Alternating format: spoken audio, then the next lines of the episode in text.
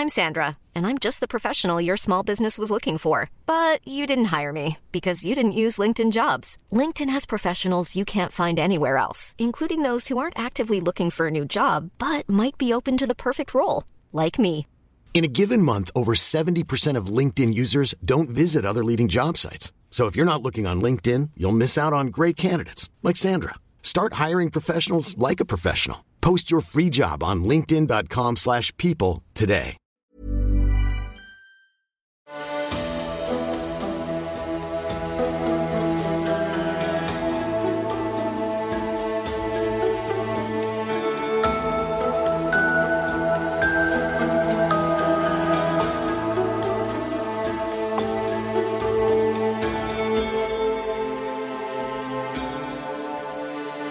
Velkommen til Seriemorderpodden, podkasten dedikert til seriemordere.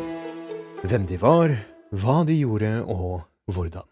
Jeg heter Thomas Rosseland Wiborg Tune, og i kveld, kjære lytter, presenterer jeg deg den siste delen i sagaen om Kansas City-slakteren, Robert Berdella.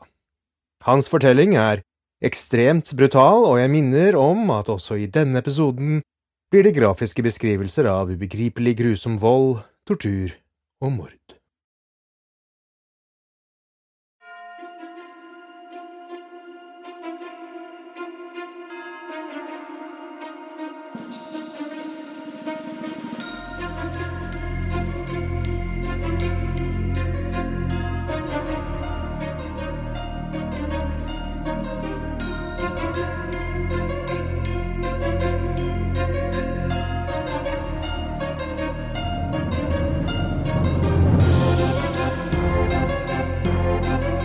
Da etterforsker Larry Lewis ankom til adressen, hadde han ingen anelse om hva han kunne forvente.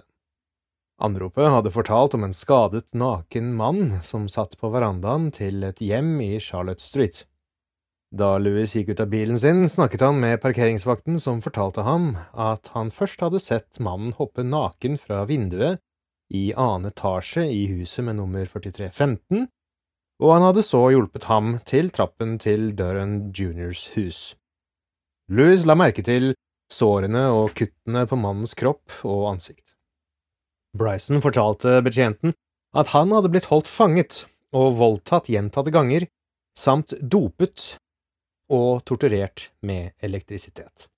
Han fortalte Louis om bildene som Berdella hadde vist ham av en annen mann som så ut til å være død. Da han innså at dette ikke bare var en klage som involverte en elskers krangel, ringte etterforsker Louis en ambulanse og gav Bryson et teppe å dekke seg til med. Etter hvert ankom flere polititjenestemenn til stedet. Lloyd Harvey samt to andre politimenn, John Metzger og sersjant Cynthia Cherry. I løpet av minutter ble Kansas City Police Departments Crimes Against Persons Division varslet om noe uvanlig på Charlotte Street, og at drapsavdelingen også måtte tilkalles. Cherry og Metzger banket på inngangsdøren til Berdella, men det var ikke noe svar, og det så til at ingen var hjemme bortsett fra de bjeffende hundene som kunne høres bak døren. Bryson var allerede på vei til sykehuset da Cherry og Harvey valgte å vente foran huset på at eieren skulle komme tilbake. Litt før klokken tolv på dagen stoppet en Toyota Tercel foran huset. En kraftig mann med tykke briller og bart gikk ut og gikk over gaten til politibilen. Mannen spurte med en tone som var ment å antyde at han ikke ante hva som sto på, og hva som foregikk. Konstabel Cherry spurte hva mannen het, og mannen svarte Bob Berdella. Mannens maske av uskyld gikk i oppløsning foran øynene på politimannen. Den tykkfallende mannen skalv åpenlyst da Cherry gikk ut av bilen. Berdella fikk hendene låst i håndjern bak på ryggen, en opplevelse Berdella selv hadde påført andre svært mange ganger, men aldri selv hadde opplevd. Da Berdella satt trygt innelåst og fastbundet i baksetet til politibilen, fortalte politiet ham hva som sto på. Jeg siterer. Herr Berdella, vi undersøker et påstått seksuelt overgrep. Godkjenner du at vi undersøker hjemmet ditt? Sitat slutt. Berdella svarte med å spørre hvorfor de skulle undersøke hjemmet hans. Da politiet ikke sa mer enn at de ønsket å underbygge vitneutsagn, nektet Berdella å la politiet gjøre undersøkelser med mindre de kunne frembringe en ransakelsesordre. Like etter klokken 14, med en ransakingsordre i hånden, banket etterforsker Metzger på inngangsdøren til Berdellas hus og ventet på svar. Han banket en gang til. Denne gangen sa han høyt, Politibetjenter, vi har en ransakingsordre. Da ingen svar kom, brukte Metzger sin tunge støvel til å sparke i dørhåndtaket, og døren sprakk opp. Inne bjeffet to store hunder sint og ble fjernet av dyrekontrollører. Første etasje i hjemmet var fylt med en masse papirer og esker med enorme hauger av hundeekskrement som dekket det meste av gulvet som gjorde det vanskelig å gå uten å tråkke i hundedritt. Kjøkkenet var skittent med skittent servise som fylte vasken, og en råtnende kalkunskrott var i en gryte på komfyren som luktet avskyelig. Betjentene rykket opp til andre etasje, hvor de fant soverommet som Bryson hadde hoppet ut av, og hadde beskrevet i detalj i sin uttalelse. En krafttransformator satt på siden av sengen, og tauene som hadde bundet ham, var fortsatt festet til sengerammen. På bordet ved siden av sengen sto et brett med sprøyter og tallrike flasker med reseptbelagte legemidler. Det var på dette tidspunktet et halvt dusin politi i huset og hver konstabel begynte å lete gjennom de mange rommene og skapene i det mugne, mørke, rotete hjemmet. Det var etterforsker Metzger som først fant en boks full av polaroidbilder, der han gjenkjente Bryson. Hvert bilde viste forskjellige situasjoner, men alle involverte Bryson som så ut som han hadde mye smerte og ble torturert. I et rom fanget en stabel med bøker etterforskernes oppmerksomhet. Titlene de bet seg merke i, var blant annet Satanisk tolkning og livsstil og Hvordan lage gift og tilhørende motgift. I et garderobeskap fant etterforsker Randall Morris en menneskeskalle ved siden av to små poser med mennesketenner og en annen pose med menneskelige ryggvirvler. I en boks funnet under sengen der Bryson ble holdt fanget, fant politiet en stor eske med bilder alle av nakne menn. En annen boks inneholdt en serie notatbøker med datoer og klokkeslett og en rekke forkortelser. Bildene ble holdt pent sammen på en organisert måte med strikk. På noen bilder hadde menn som ikke var Bryson, gulrøtter eller agurker som stakk ut fra anus.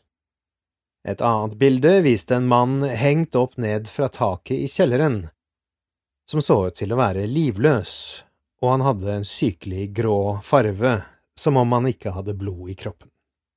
Fordi den opprinnelige ransakingsordren i huset var for det seksuelle overgrepet til Bryson, bestemte politiet seg for å stanse ransakingen inntil en ny ransakingsordre kunne innhentes etter å ha funnet flere og flere bisarre bevis som begynte å antyde potensialet for minst ett drap. Dette ville tillate dem å se med flere detaljer i Bob Berdellas hjem, uten frykt for at viktige bevis skulle bli kastet ut av retten basert på feil ransakingsordre. Ved 19-tiden hadde politiet sperret av hele eiendommen og gikk nå møysommelig gjennom boligen. I en skinnkoffert fant politiet hundrevis av polaroidbilder som viste menn som ble torturert, noen med poser over hodet. I en pose ble det funnet en lommebok med førerkort tilhørende en mann ved navn Walter James Ferris. På spisebordet lå det flere brune konvolutter med presseklipp fra Kansas City Star som gjaldt en savnet mann ved navn Jerry Howell.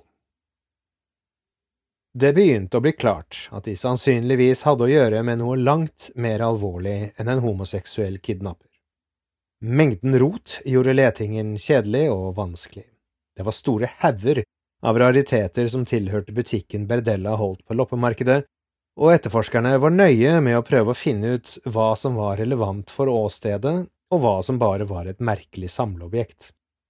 I en boks flere krympede hodeskaller, på et snubord begynte en plate med tittelen Black Mass for Lucifer.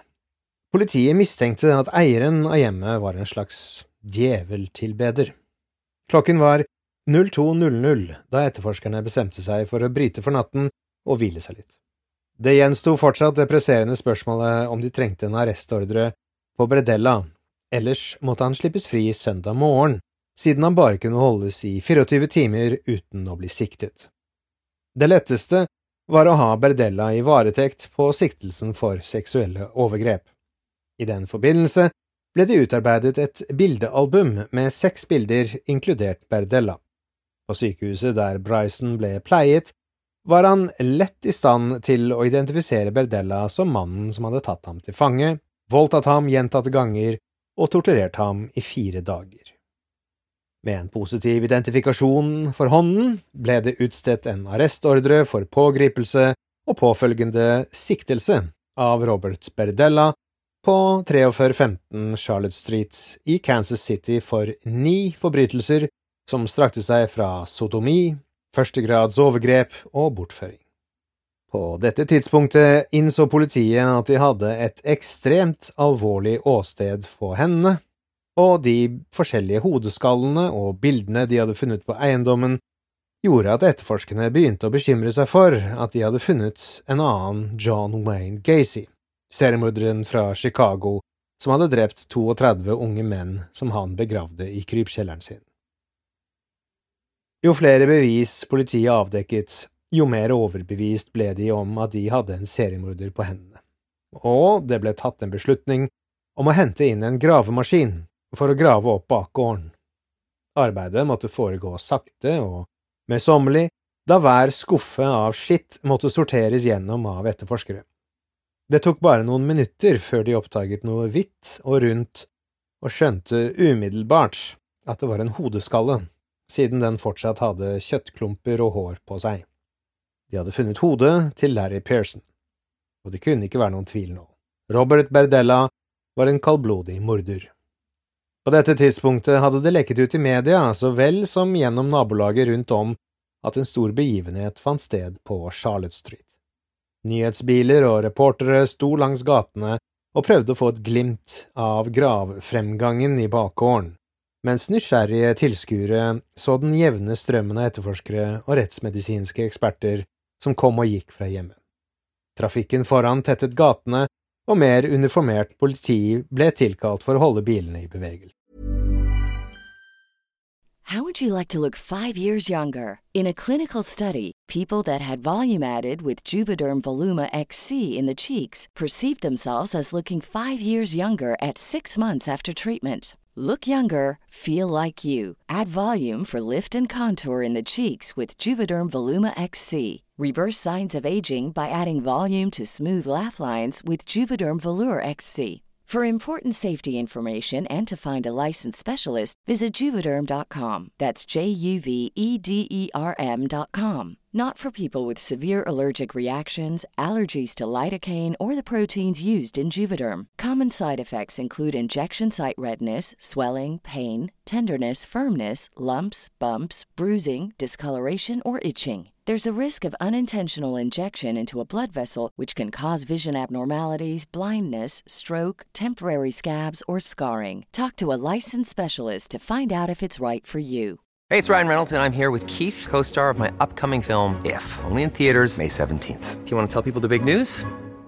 All right, I'll do. Sign up now and you'll get unlimited for $15 a month and six months of Paramount Plus Essential Plan on us. Mintmobile.com slash switch. Upfront payment of $45 equivalent to $15 per month. Unlimited over 40 gigabytes per month. Face lower speeds. Videos at 480p. Active Mint customers by 531.24 get six months of Paramount Plus Essential Plan. Auto renews after six months. Offer ends May 31st, 2024. Separate Paramount Plus registration required. Terms and conditions apply if rated PG.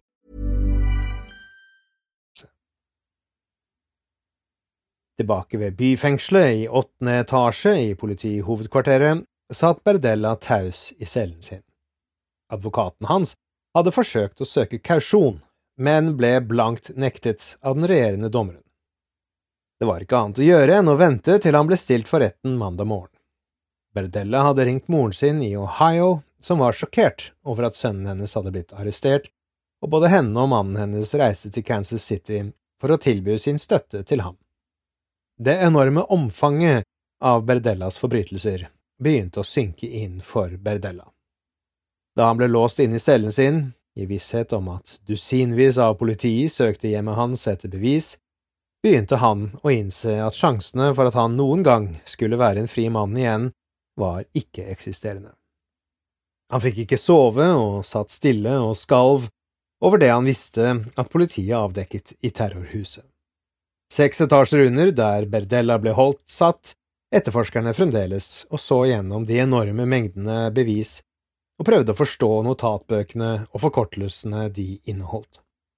Selv om de ikke hadde klart å identifisere hodeskallen de fant i bakgården, var de i stand til å kryssreferere at Berdella var kjent for politiet og hadde blitt avhørt to ganger for forsvinningen av både Jerry Howell og James Ferris. På det tidspunktet hadde det ikke vært nok bevis til å fortsette etterforskningen av Berdella, og de to savnede sakene hadde blitt lagt på is. Men nå, med Walter Ferris sin lommebok og førerkort i Berdellas hus, sammen med en rekke bilder av ham der han ble torturert, var det klart at de hadde løst minst én av savnet-sakene. Medievanviddet hadde tidoblet seg utenfor politihovedkvarteret og foran Berdellas hjem. På dette tidspunktet var svært lite kjent, og det som ble rapportert, var for det meste spekulasjoner. Etterforskerne var skeptiske til å gi ut mer informasjon enn nødvendig, men etterspørselen fra publikum om å vite hva som foregikk, nådde et bristepunkt. I mellomtiden, mens etterforskerne fortsatt gjennomsøkte eiendommen, ble Berdellas kjeller testet med luminol, som skulle vise tegn på blod på overflater. Som de forventet, lyste rommet opp som et karneval. Det var blodspor på gulvet, veggene og til og med taket. Inne i flere store søppeldunker glødet kjemikalier sterkt, og det var tydelig at minst ett drap og opphugging hadde funnet sted i kjelleren. På en arbeidsbenk testet en gassdrevet motorsag positivt for menneskeblod, og da etterforskerne tok den fra hverandre, så de at de indre tannhjulene var fylt med menneskehår. En sirkulær motorsag testet også positivt for menneskeblod, og den også hadde menneskehår og beinfragmenter inne i bladbeskyttelsen. Da politiet begynte å sette sammen åstedet og finne ut av fotografiene og dagbøkene, begynte det å dukke opp et bilde av en fordervet, forskrudd morder. Etter det de kunne redegjøre fra bevisene, var det minst seks menn som hadde blitt holdt fanget, men de hadde bare de fysiske bevisene fra hodeskallen de hadde funnet i bakgården. Basert på nedbrytelseshastigheten som ble kryssreferert til datoene i dagbøkene, mistenkte de at det var hodet til hans siste offer før Bryson hadde rømt. Inne i notatblokkene ble etterforskerne kvalme av å lese fengslingens varighet. Nesten åtte uker før han ble drept av Berdella. Med et lastebillass av bevis overførte etterforskerne saken til statsadvokaten, som da forberedte seg på å gå til rettssak mot Berdella for drap på seks menn. Rettssaken ble komplisert av mangelen på faktiske kropper og evnen til å bevise drap i retten. Det de imidlertid hadde, var en positiv identifikasjon av Pearsons hodeskalle, hentet fra tannjournaler, samt 60 polaroidbilder av Pearson i Berdellas hus i forskjellige stadier av tortur. De hadde også omfattende håndskrevne notater fra Berdella som presenterte hvert av drapene i grafisk detalj.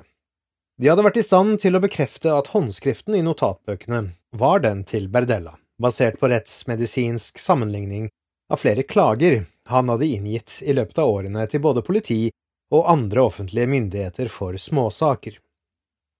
Etterforskerne var i stand til å matche kuttmerkene på ryggvirvlene de fant, med bladmerkene på sirkelsagen, noe som beviste at han hadde brukt sagen til å kutte opp Pearsons kropp. Tester på vevet, som fortsatt var til stede på Pearsons hodeskalle, testet positivt for acepromazin og klorpromazin, som begge ble funnet i Berdellas hus.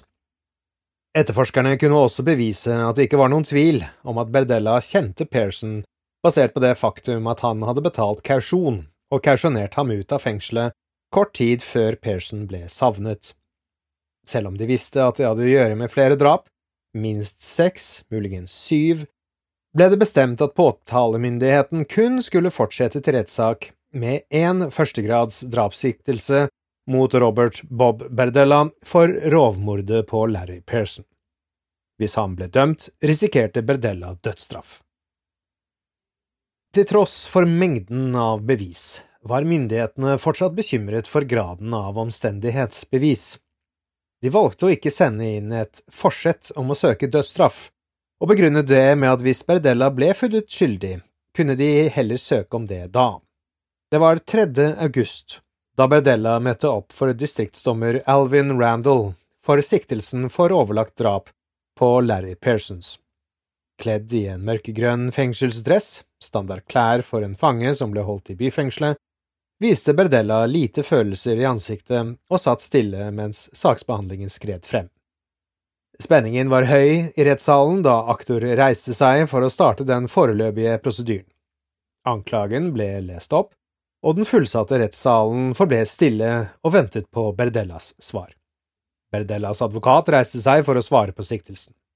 Forsvarsadvokaten sa, og jeg siterer, Takk, dommer. På dette tidspunktet er det tiltaltes intensjon å inngi en erkjennelse som skyldig, som siktet, for drap i første grad. Sitat slutt. Dette var uventet, men en klok taktikk av Forsvaret.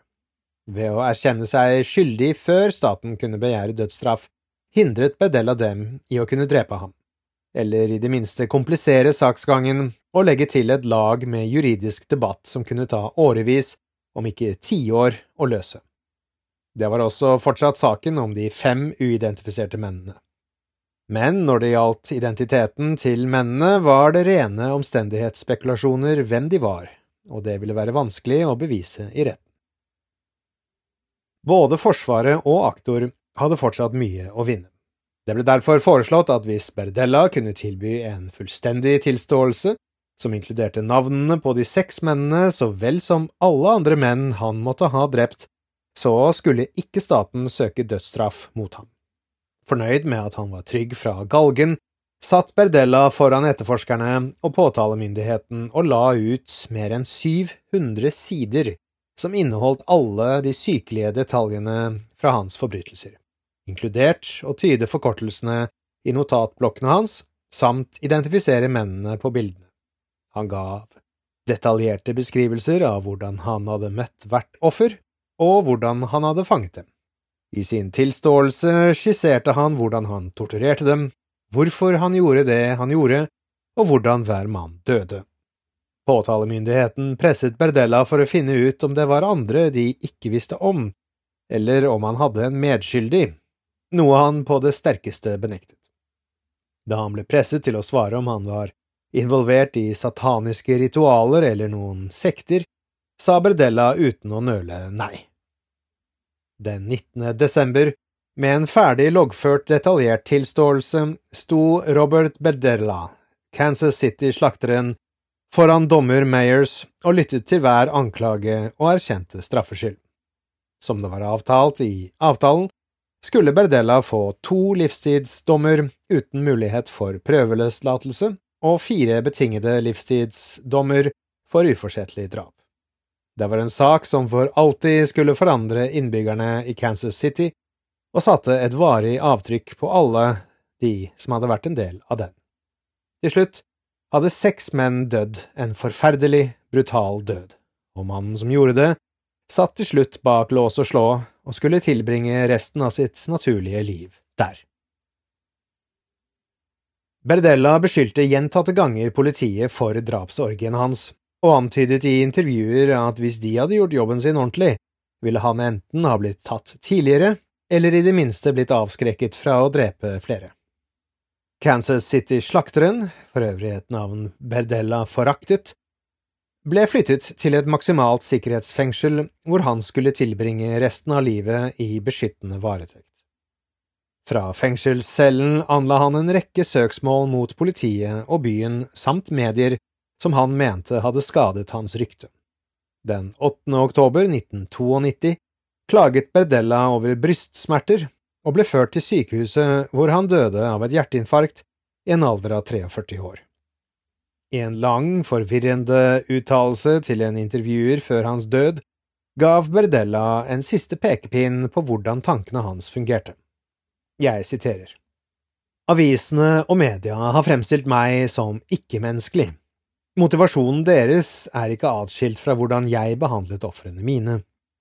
Jeg behandlet dem som ikke-menneskelige, ikke noe mer enn et leketøy eller et lekeobjekt. Det er det media har gjort mot meg. Det har dehumanisert meg, slik at de kan tro, sammen med offentligheten, at ting som menneskeofringer, satanisme, demoniske praksiser er mer troverdige enn at jeg er naboen ved siden av, som ganske enkelt nådde et punkt i livet hvor jeg kunne gjøre monstrøse handlinger. Det er ikke det samme som å være et monster. Sitat slutt. Og med det, kjære lytter, kommer vi til slutten av sagaen om Robert Bertella. Neste episode tar vi for oss en fersk seriemordersak. Så som de sier i Radioland, følg med.